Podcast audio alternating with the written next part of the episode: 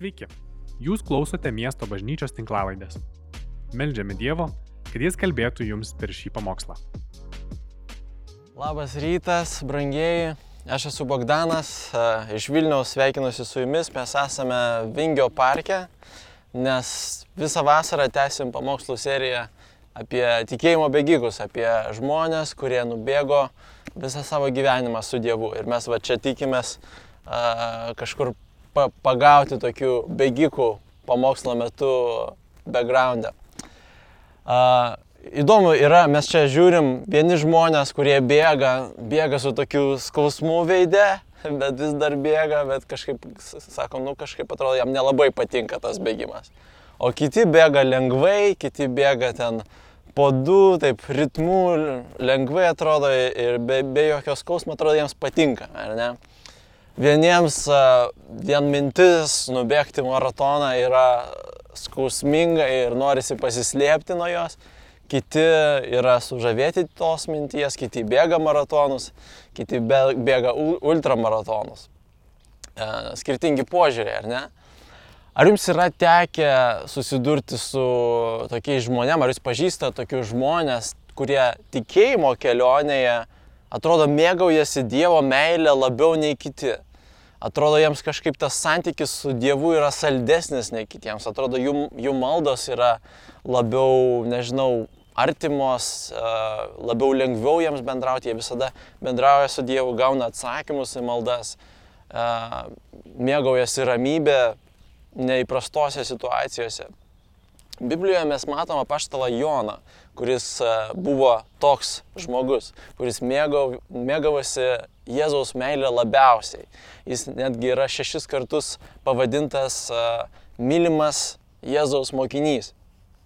Mes paskaitysim vieną, vieną dalį, uh, vieną istoriją, kuri aprašo tą jo meilės gyvenimą arba kuri apskritai yra viso jo gyvenimo aprašymas turbūt ir kuri ir mums galėtų būti gyvenimo aprašymu.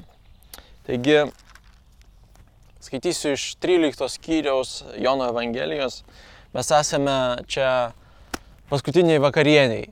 Jėzus ką tik pirmą eilutę 13 skyriaus sako, prieš paskos šventę Jėzus žinodamas, kad atėjo jo valanda iš šio pasaulio keliauti pas tėvą ir mylėdamas savuosius, pasaulyje parodė jiems savo meilę iki galo.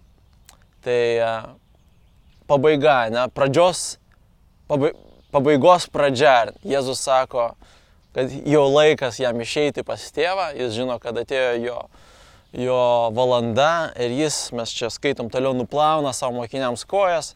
Tada yra ta visa scena su Petru, kur Petras pradeda reikštis, kad čia maždaug man mokytojau neplausi kojas, Jėzus sako, tu man ir galvą nuplauk, ir, rankas, Jėzus sako, nusiramink, neik į kitą nu, kraštutinumą, žodžiu, Petras yra truputį subartas. Ir, e, ir tada Jėzus toliau šnekasi su savo mokiniais. 21 eilutėje mes skaitom, Jėzus sukrestas dvasioje tarė. Iš tiesų, iš tiesų sakau jums, vienas iš jūsų išduos mane. Tada mokiniai ėmė žvalgytis vienas į kitą, nesusivokdami, apie kurį jis tai pasakė. Vienas iš jo mokinių, kurį Jėzus mylėjo, buvo prisiglaudęs prie Jėzaus krūtinės. Simonas Petras pamojo jam, kad šis paklaustų, apie kurį jis kalba. Tasai pasilenkęs prie Jėzaus krūtinės paklausė, kas jis viešpatie. Jėzus atsiliepė, tas, kuriam padažęs paduosiu kasnį duonos. Ir tada yra kalba apie judą, kad Jėzus įmerkia kasnį duonos į, į kažką, tai kažkokį turbūt uh, padažą, kuris buvo įprastas, uh, ir paduoda judui. Ir judas išeina išduoti Jėzaus. Bet apie judą turbūt reiktų atskiro pamokslo, mes čia norim pažiūrėti į Jono gyvenimą, nes jis sako, uh, kad vienas mokinys buvo prisiglaudęs prie Jėzaus krūtinės. Ir daugelis, daugelis aiškintojų sutinka, kad čia yra pats Jėzus, e, pats, pats Jonas, tas apie, apie kurį čia kalbama. E, ir šešis kartus po to, arba penkis dar kartus šitoje Evangelijoje jis bus taip pavadintas. Taigi pažiūrėsim, koks yra mylimojo mokinio gyvenimas, kuo jis išsiskiria, kokios, kokios savybės yra jo gyvenime, kuo, kuo yra apibūdintas jo, jo gyvenimas. Taigi keturi dalykai ir tada pažiūrėsim, kaip jis tapo to mylimojo mokiniu. Taigi pirmas dalykas, ką mes čia pastebėm, yra, kad mylimas mokinys yra jautrus Dievo dvasiai. 21 eilutė, ar ne, sako, Jėzus sukrestas dvasioje tarė. Ir tada jis kalba apie, apie savo išdavystę, kad bus išduotas. Galbūt tik Jonas ir pastebėjo tą Jėzaus sukretimą dvasioje ir todėl jis galėjo parašyti, kad Jėzus buvo sukrestas dvasioje. Galbūt kiti mokiniai tik išgirdo žodžius, bet, bet nepastebėjo, kad Jėzus buvo sukrestas dvasioje. Kaip tu pastebėsi, kad žmogus viduje dvasioje sukrestas? Tai ne visada matoma išorėje, nes todėl ir pasakyta dvasioje. Jis e, nepasakyta, kad pravirko kaip kitose vietose ir turim istorijų, kur Jėzus buvo antiek sujaudintas, kad pravirko arba supyko arba kažkas tokio. Čia jis pasakytas sukrestas dvasioje. Taigi mokinys, kuris yra, kaip čia skaitom, prisiglaudęs prie Jėzaus krūtinės. Jis jaučia kiekvieną Jėzaus dvasios, Dievo dvasios judėjimą. Kiekvieną minimalų Dievo širdies vibraciją kažkokią. Tai, ką kiti nepastebi, mylimas mokinys yra jautrus tiems dalykams. Taip veikia pranašai, taip veikia žmonės, apie kuriuos mes ką tik kalbėjom, kurie turi um, artimesnį santykių su Dievu, jie atrodo, žino, ką daryti tam tikrose situacijose, turi išmintį, jie jaučia Dievo širdį, jie yra prisiglaudę prie, prie Dievo krūtinės. Taigi pirmas dalykas, ką mes čia pastebėm, yra tas jautrumas Dievo dvasiai, ar ne, mylimojo mokinio. Toliau pastebėm drąsą, pastebėm Jono, Jono drąsą. Kai kiti tyli, kai Petras, netgi Petras, tas pats drąsiausias, ar ne, kuris asocijuojasi mums Petras dažniausiai su drąsa, jis tyli. Kodėl Petras negali paklausti Jėzaus tiesiai, Jėzau, ką tu turiu omeny, kodėl jis negali prie visų paklausti. Mes su Vaida, kai, kai mygdom savo kūdikį ant kamulio kartais, va taip, abiejom rankom jį laikai, tai neturi ir turi kažką iškomunikuoti kartais, ar ten na, pakasyk man kaktą, ar noriu gerti, bet negali naudoti žodžius, nes bijai jį pažadinti, jis jautrus yra, neturi rankų ir turi viską veidų iškomunikuoti. Tai mes išmokom tam tikrą jau savo, savo kalbą, veidų kaip komunikuoti išmokom, nes bijom, bijom pažadinti. Ko bijojo Petras? Galbūt Petras uh, bijojo būti vėl subartas, ar ne, jis ką tik buvo toks prieš visus sugėdintas, ką tu čia į kraštutinumus eini, galbūt jis žinojo, kad uh, savo tą vidinį tokį polinkį būti kraštutinišku ir bijojo vėl tą padaryti. Galbūt jis, žinot, kaip jautė asmeninė, asmeninės ribos kažkokias su Jėzumi. Kartais būna, kad su kažkuo bendrauju, aš bendravau su žmogum, prieš kurį laiką ir jis sakė, vat, kad išsiskyrė, turėjo tokį skaudų išsiskyrimą su, su savo drauge, su kuria susitikinėjo ilgus, ilgą laiką. Ir kadangi mes nelabai pažinojom vienas kitą, aš jaučiau tą ribą, ar aš galiu toliau paklausti, ar čia jau būtų peržengimas ribos. Ir, ir to, tuo atveju tai buvo peržengimas ribos. Todėl aš bijojau paklausti, ar ne, ir neėjau į tą pusę. Galbūt Petras bijojo peržengti tą ribą su Jėzumi, jis žinojo, kad jų santykis dar netoks artimas. Bet Jonas, jis žino, kad Jonas turi kitokį santykį su Jėzumi, kad Jonas turi, gali klausti visus dalykus, gali gauti visus atsakymus. Ir tai yra, ką toliau Jėzus kalbės, sako, jeigu pasiliksit manyje, ko prašysit, to ir gausit, ar ne? Tarp kitko, tas pasilikimas manyje yra didelė tema Jono, Jono, jis visoje Evangelijoje, mes daug matom to pasilikimo Jėzuje, kad uh, kalbama apie pasilikit mane, Jėzus sako, pasilikit mane, kaip aš pasilieku tėvę, pasilikit e, manyje, kaip šakelės pasilieka vinmedyje. Tai jis duoda tų tokių pavyzdžių, ką reiškia pasilikti, pasilikti jame.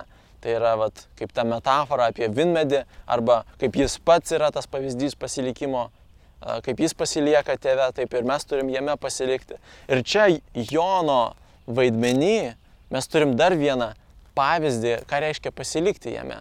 Tai Tai yra Jonas gulintis ant Jėzus krūtinės, toks gyvas, matomas mokinio pavyzdys. Ir labai įdomu tas prisiglaudimas Jono, nes pats Jėzus yra aprašytas pradžioje Evangelijos pirmam skyriuje kaip prisiglaudęs prie, prie, prie tėvo, tik panašiais žodžiais, čia irgi išversta yra, bet graikiškai labai panašiai skamba 13 eilutė, um, ne 18 eilutė pirmos skyriaus, sako, kad Dievo niekas niekada nėra matęs, tik tai viengimis sunus tėvo prieglopstie esantis. Tėvo prieglopstie esantis. Jėzus yra esantis tėvo prieglopstie. Taip pat ir Jonas yra esantis tėvo prieglopstie. Mylimas mokinys yra esantis tėvo prieglopstie. Gyvenantis gyvenimas apgaubtas tėvo. Prisiglaudęs prie, prie, prie, prie tėvo krūtinės, prie Dievo krūtinės. Kitas dalykas ir turintis drąsą, ar ne? Prisiglaudęs ir iš to turintis drąsą, turintis tokį glaudų santyki, kad jis turi drąsą klausti informaciją, kurią kiti negali sužinoti, jis turi drąsą prašyti dalykus, kurio, kurios kiti negali prašyti. Tarkim, žinot, kartais būna reikia pagalbos paprašyti, sugalvoji kažko tau reikia, tarkim, man reikėjo neseniai sutaisyti mikrofono laidą, kuri Katinas pergrėžė. Ir e, būna kartais tau reikia pagalbos, galvoju, okei, okay, aha, prisimenu, tas ta žmogus to išmano, bet tu su juo nesibendravęs tris metus, ar ne? Ir taip nejauku, tai kartais net neini į tą pusę, neini pas tą žmogų. Arba jeigu labai jau reikia, tai bandai kažkaip per aplinkui, nu kaip tau sekasi, o tarp kitko, žinai, gal gali man čia padėti. Bet kai turi santyki ilgalaikį, tau nėra klausimo, ar čia aš galiu prašyti pagalbos iš to žmogaus ar ne, nes jūs esate nuolatiniam bendravime. Tai vat, buvo, yra mūsų namų grupelėje toks mano draugas Titas, su kuriuo mes bendravom visus, visus metus. Trečiadienį susitikdavom, skaitydavom Bibliją, melsdavomės, dalinomės, kur, kur kaip mums sekasi. Ir man nebuvo jokios problemos, žinodamas, kad jis moka tos dalykus, laidus taisyti ir daugiau, man nebuvo problemos paprašyti jo pagalbos. Net, net nebuvau susimastęs, ar čia deramai taip daryti ar ne. Taip ir mes, turėdami, būdami mylimi mokiniai, turėdami tartimą santykį su Jėzumi, turim drąsą prašyti dalykus. Kitas dalykas yra, kuris iš šito išplaukia, yra artumas. Mes matom, kad Jonas buvo labai arti Jėzaus. Jam nereikėjo, kai kai atsitiko tas poreikis, kai atėjo problema, tai vadinama, kai, kai iškilo ta situacija, jam nereikėjo pribėgti prie Jėzaus, jam nereikėjo šaukti per visą stalą uh, arba kažkaip tuo momentu prisartinti. Jis jau buvo nuolant gulintis prie jo krūtinės, prisiglaudęs. Jam reikėjo reikiamų momentų tik pasilenkti uh, ir pasišnipždėti su Jėzumi. Tarp kitko, uh, kad jūs labiau įsivaizduotumėm, kai, įsivaizduotumėt, kaip tas vyko. Galbūt jau, jau, jau žinot, kaip vyko vakarienės tuo metu, bet jie sėdėjo tokio ant trijų, taip vadinamų sofų, kurios sustatytos U forma. Tai ne kaip Davinčio paveikslas, kur vienas stalas ilgas ar ne. Yra anegdotas, kad Jėzus ateina į paskutinę vakarienę, sako, mums stalo reikia 24. Sako, bet jūs tik 12. Taip, bet mes sėdėsim visi vienoj pusėje. Tai tiesiog parodo, kad e, absurdiškumą ne, to Davinčio paveikslo, jie netaip sėdėjo. Jie sėdėjo U formos tokiam stale, tris sofos ir visi buvo atsirėmę, guli, gulėjo a, ant kairės rankos ir su dešinė valgė. Ir todėl, jeigu aš būčiau Jėzus, tai Jonas yra čia šalia gulintis ir jis galėjo labai lengvai tai pasilenkti prie Jėzaus ir pasišlė, pasikalbėti su, jie, su juo, net kitiems galbūt negirdint apie ką jie šneka. Nes uh, skaitom, kad Jėzus jam duoda atsakymą, bet po to mokiniai vis tiek nesuprato, kodėl Judas išėjo. Bet Jonas suprato. Um, artumas su Dievu mes negalim, kai reikia kažko stipriai pasimelsti ir gauti atsakymą, papasnikauti ir gauti atsakymą. Galbūt kartais taip įvyksta, galbūt kartais taip būna, Bet um, mano patirti taip nevyksta. Ir iš šitos istorijos irgi matau, kad Jonas buvo nuolat arti. Jis neteina pas Jėzų tik, kai jam blogai, jis mėgaujasi ir taip Jėzaus buvimu. Jis ir šiaip mėgsta būti jo artume. Aš vieną kartą, kai svarščiau, man reikėjo labai gauti Dievo valią mano gyvenimui su Vaida, ar kraustytis mums į Vilnių prieš penkis metus ar ne čia su bažnyčia. Ir um, aš galvoju, mes tuo metu buvom Alabamoje, aš ten praktiką dariau ir galvoju, okei, okay, eisiu pasnikauti tą dieną, gauti atsakymą iš Dievo. Karšta, bloga, nėra ką valgyti, aš su dviračiu kažkur nuvažiavau Amerikoje, žinot, be mašinos tu niekas esi atstumai, nuvažiavau kažkokią pievą su dviračiu pasiemęs tik vandens, bandau melstis po vienu medžiu, po kitų medžių, nieko nepavyksta, užmigau, atsikėliau, viskas skauda, jokio atsakymo negavau, tai žodžiu grįžau nusivylęs. Ir tai vyksta dažnai, ar ne? Noriu labai to ar ano ir mes bandom išspausti. Bet mylimas mokinys eina į artimą santykį su Jėzumi, ne tik kai iškyla kažkoks tai poreikis, kai iškyla kažkokia tai problema, jis yra nuolat prisiglaudęs. Ir paskutinis dalykas, kurį mes matom apie mylimąjį mokinį, yra, kad jis yra ramus. Jis gyvena ramybėje. Mes skaitom ar ne, kad uh, kai Jėzus sako tą išdavystės tokią žinę, nemalonę, mokiniai yra pasimetę, jie žvalgosi vienas į kitą, kas čia gali būti, ar čia kas nors iš mano pažįstamų, žinot, kaip mafijos žaidimą, jeigu žaidėt ten, uh, visi sėdi prie stalo, užsimerkia, vienas yra iš jų blogietis, jis nusprendžia, ką jis nori nužudyti ir tada visi atsimerkia ir turi atspėti, kas, kas yra tas žudikas ar ne. Tai čia irgi nieks nežino ir bando žiūrėti, kaip, kaip ir tame žaidime, iš veido kažkaip atpažinti, kas kaip, galbūt sujaudintas kaip nors to Jėzaus pasakymo, kas nėra, nejau, nejaukiai jaučiasi. Kitos Evangelijos sako, kad jie bejo galvoja, galbūt klausia, ar tai aš. Irgi, ar ne, toks natūralus klausimas. Jėzus, galbūt tu apie mane kalbi. Bet Jonas guli ramus ant Jėzaus krūtinės. Jis nėra, galbūt jis irgi jaučia kažkokią tai baimę, bet tai, kad jis vis dar guli ant Jėzaus krūtinė, rodo, kad jis pasitikė Dievo meilę. Kas bebūtų, ta Dievo meilė yra jam tokia svarbi, kad padengia visas kitas nesėkmės ir negandas, kas galėtų atsitikti. Ar tai būtų jis tas išdavikas, jis žino, kad Dievo meiliai padengia jį, kad santykis su Jėzumi jo yra geras. Tai nėra, kad jis pateisina savo nuodėmę, bet jis žino, kad jeigu jis ir išduotų, jis neturi jokio ketinimo išduoti Jėzų, bet jeigu taip ir atsitiktų, kad jis išduos Jėzų, jis žino, kad jis vėl turės prieimą prie jo, kad Jėzus, jis pažįsta jį, jis žino, kad Jėzus jam atleis. Jis žino, kad jeigu Jėzus ir būtų išduotas, kaip kiti galbūt galvoja, kaip tu, koks tu mesijas, jeigu tu būsi išduotas, kaip čia tada Dievas tave saugo, jis žino, kad virš jo supratimo, galbūt jis nesupranta, kaip tai gali būti, bet kadangi jis yra pasitikintis Jėzaus meilė, žino, kad taip turi būti, kad viskas bus gerai, kad Jėzus yra mesijas. Tai mylimas mokinys audroje ilsisi, jis nėra sujaudintas, jis nėra pasimetęs, jis nežiūri į kitus, ką kiti pasakys, ką, ką į save, ką, kas aš esu, ar čia aš esu išdavikas, jis žiūri į Jėzų.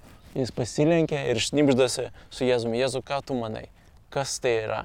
kas čia per situacija mano gyvenime, kas čia per iššūkis mano gyvenime, koks, koks tavo požiūris tai, į tai. Tai peržvelkim tas keturias savybės mylimojo mokinio. Jis yra jautrus Dievo dvasiai, kalbėjome apie tai, kad jis jaučia ar ne tai, ko kiti nejaučia. Jis jaučia Dievo mintis, Dievo jausmus labiau nei kiti. Jis yra drasus, kaip hebrajams parašyta, dėl Jėzaus meilės, meilės mes galim artintis drąsiai prie malonės sosto. Mes galim turėti gilesnį, artimesnį prieimą prie Dievo nei, nei kiti dėl to, kad žinom, kad Jis mus myli.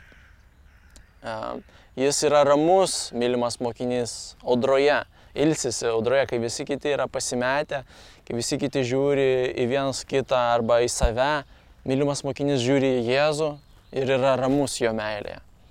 Ir taip pat jis yra nuolatiniam artume su Dievu. Jis neteina, kai jam reikia pagalbos, jis neteina, kai blogai, bet jis šiaip mėgaujasi būti su Dievu. Tas bėgimas, kaip kalbėjom pradžioje, ne, nėra jam skausmas, bet tai yra jo, jam malonus dalykas bendrauti su, su Dievu. Taigi pažiūrim, kaip, kaip taip gavosi, kad e, Jonas buvo, buvo mylimas mokinys. Ar Jėzus nemylėjo kitų, ar e, mažiau mylėjo ir labiau mylėjo Joną. Mes matom 13 skyriuje pradžioje, kad jis visus pamilo, ar ne, kaip aš skaičiau, kad mylėdamas savosius pasaulyje, jis parodė savo meilę iki galo. Jis nuplauna kojas visiems, ne tik Jonui, ne tik Petrui, bet ir Judui, visiems mokiniams. Ir taip pat mes žinom iš kitų vietų, kad Dievas nenori, kad ne vienas pražūtų, kad, bet kad visi a, turėtų amžiną gyvenimą. Jėzus myli visus. Bet yra skirtumas, kaip sakiau. Kodėl yra tas skirtumas, kad vieni labiau tą meilę mėgaujasi, o kiti mažiau. Sperdžianas pasakė, kad žmonės yra tokie, kuriuos Jėzus labiau myli, bet tie žmonės yra visada tie, kurie labiausiai pagerbė Jėzaus meilę, kuriems Jėzaus meilė yra pats svarbiausias dalykas gyvenime. Tai yra toks uh, suktas ar ne posakis, nes jis sako, kad taip Jėzus myli vienus labiausiai, tai pagalvotum, kad Jėzus pasirinko tą žmogų, jį, kažkaip jam jis labiau patinka. Bet antra dalis mums sako, kad tai yra tie žmonės, kurie labiausiai brangina tą meilę.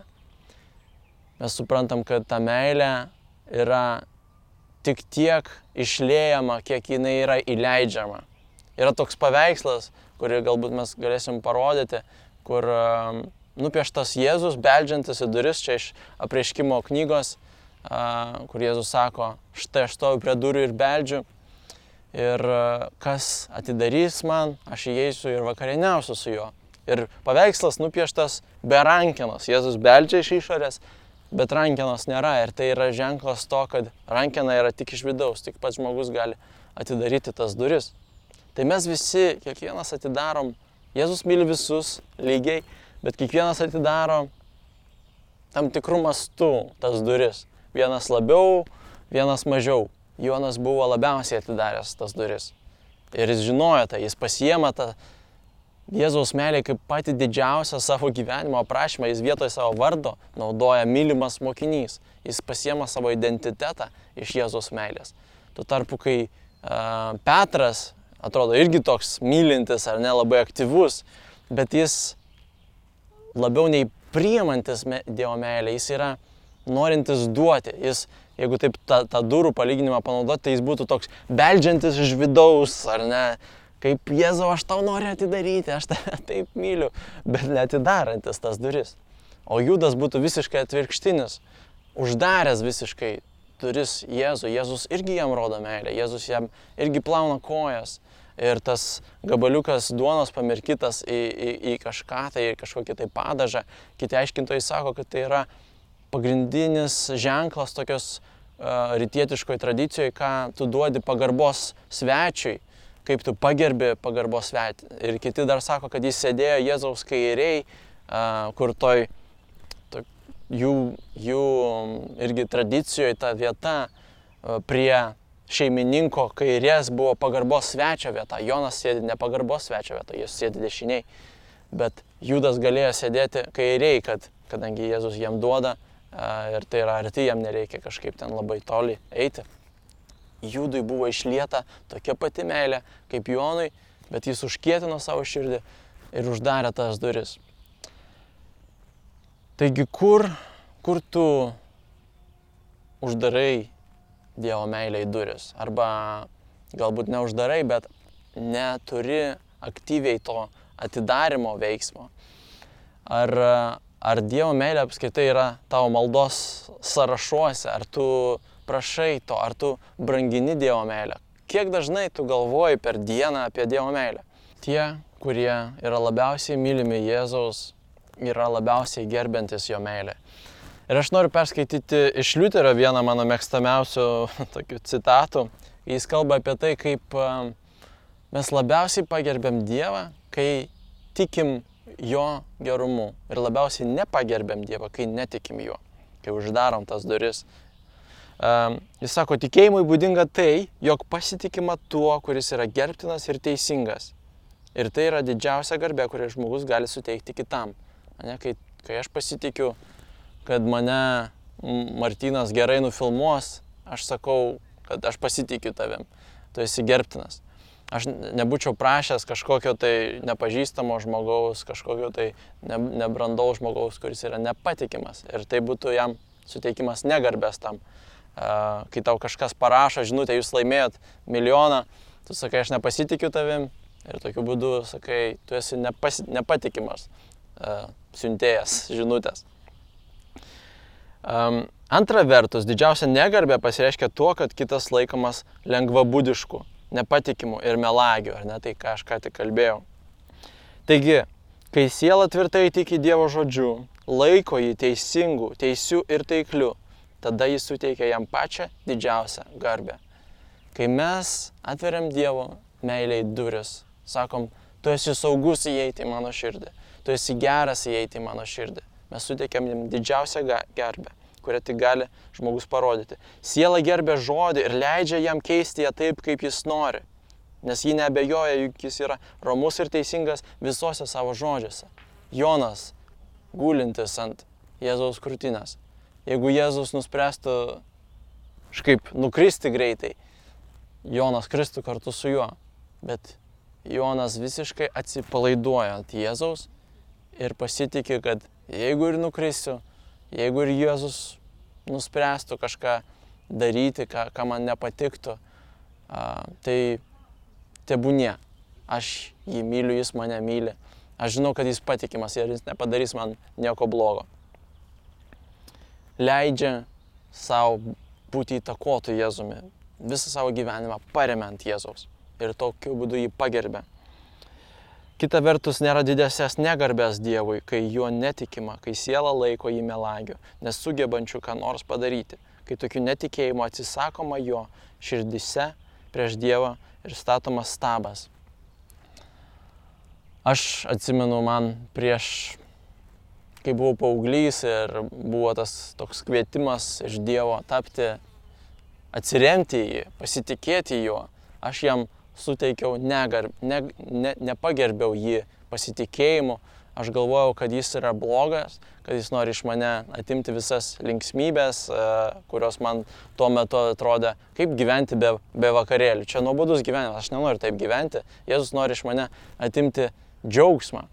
Kitiems e, tas ekvivalentas yra, jie sako, aš nenoriu pasitikėti, bijau pasitikėti Jėzumi, nes žinau, kad tada, o ką jeigu jis mane pasiūs ten vaikams Afrikoje tarnauti. Tai toks įsivaizdavimas, kad kažkodėl jis nori mums blogą padaryti. Kažkodėl tai jis norėtų kažką padaryti, kas mums nebūtų geriausia. Tai nepagerbė Dievą. Kai mes tikim geriausia apie Dievą, kad jo meilė praves mus per iššūkius, kad jo meilė atleidžia mūsų nuodėmės, kad jo meilė pradės, padės mums praeiti per santokos sunkumus, per draugystės sunkumus, per finansinius karjeros sunkumus. Jo meilės pakanka viskam, tada mes pagerbėm Dievą. Taigi, kur tu galėtum labiau atidaryti duris Dievo meiliai? Galbūt, nežinau, ar klausai ir e, net niekada nesi patyręs, patikėjęs Dievo meilę, bet aš sakau, kad tai ir yra patikėjimas Tai nėra kažkoks tai Dievo nužengimas meilės ant tave, tai yra patikėjimas ir atverimas jam durų, patikėjimas, kad jis yra geras. Taigi mes tuo melsimės, kad Dievas suteiktų tau uh, pagalbos atveriant tas duris.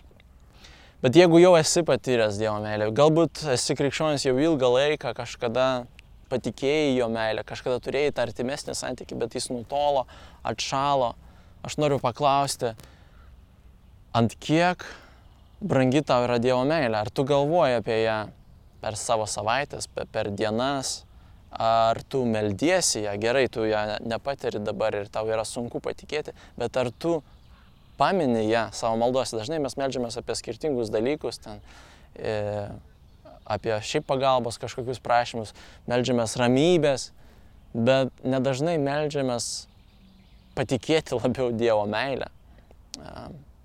Nedažnai melžiamės, pa, kad Dievas padėtų mums atsiremti į jį, patikėti, kad jis geras, kad jis parodytų mums savo gerumą. Bet tai yra jo noras, jis nori mums parodyti savo gerumą. Taigi kviečiu kartu pasimelsti. Dieve, mes dėkojam tau už tai, kad tu esi geras, už tai, kad tu esi ištikimas, už tai, kad tu esi teisingas, už tai, kad tu esi vertas, kad tavim pasitikėtumėm. Tai liūdėja per istorijas milijonai tikėjimo begikų, milijonai žmonių, kurie turėjo santykių su tavimi ir tu juos palaikiai, kuriuos tu pravedėjai. Tai liūdėjo Jonas, tai liūdėjo ir dabar mūsų broliai ir sesės, kad tu esi vertas būti pagerbtų mūsų pasitikėjimų viešpatė. Aš meldžiu už tuos, kurie niekada nėra atvėrę tau durų. Žinom, kad tavo meilė ir, ir šitame leidžia mums prašyti ir gauti pagalbos, drąsiai artintis. Ir tu gali padėti netikėjimui, tu gali padėti išlaisvinti nuo tų galbūt kažkokių tai a, įtakų išorinių, kurios laiko mus nuo, laiko mūsų rankas surištas atverti tas duris. Viešpate, šiuo metu prašau sulaužyk tos, a, tos dalykus, kurie laiko, kurie suvaržo. Sulaužyk grandinės viešpate. Mes tikim, kad tu gali ir tu nori ir tavo yra visa jėga. Aš meldžiu už tuos, kurie paskutiniu metu negyvena meilės santykė, kuriems bėgimas yra skausmas ir kurie galbūt tuoj nustos bėgti, nes tai yra tiek skausminga ir tiek net nešantis kažkokio tai pasitenkinimo dalykas. Aš meldžiu atnaujinimo to gulėjimo ant tavo krūtinės. Aš meldžiu atnaujinimo tą meilės ryšio, meilės santykio, kad tai taptų pats smagiausias dalykas, ne tik kai iškyla problemos, bet nuolat vyktų bendravimas su tavim, nuolat vyktų santykis su tavim. Meldžiu už visą mūsų bendruomenę viešpatė, kad uh, tu apjungtum mūsų meilės ryšiais, kad tu įkvėptum mums labiau, daugiau tikėjimo tavo meilę, kad tai būtų mūsų vardas, mylimi Jėzaus mokiniai, kad mes labiau nei miesto bažnyčia vadintumėmės mylimi Jėzaus mokiniai, kad tai būtų mūsų pravardė, tegul lieka tas vardas, bet tebūnė, kai, kai žmonės kalba apie mus, tegul jie žino, kad mes labiausiai vertinam tavo meilę. Ne stebuklus, ne, ne išgydymus, ne doktrinas ar dar ką nors viešpatė. Mes vertinam tavo meilę, tavo asmenį. Tu esi nuostabus. Dėkojom tau, kad tai yra įmanoma per tavo, tavo auką, per tavo kryžių, per tavo kraują viešpatė. Būk pašlovintas. Amen. Ačiū, kad klausėte. Daugiau informacijos rasite mūsų svetainėje miestobažnyčia.lt arba Facebook, Instagram ir YouTube paskyrose.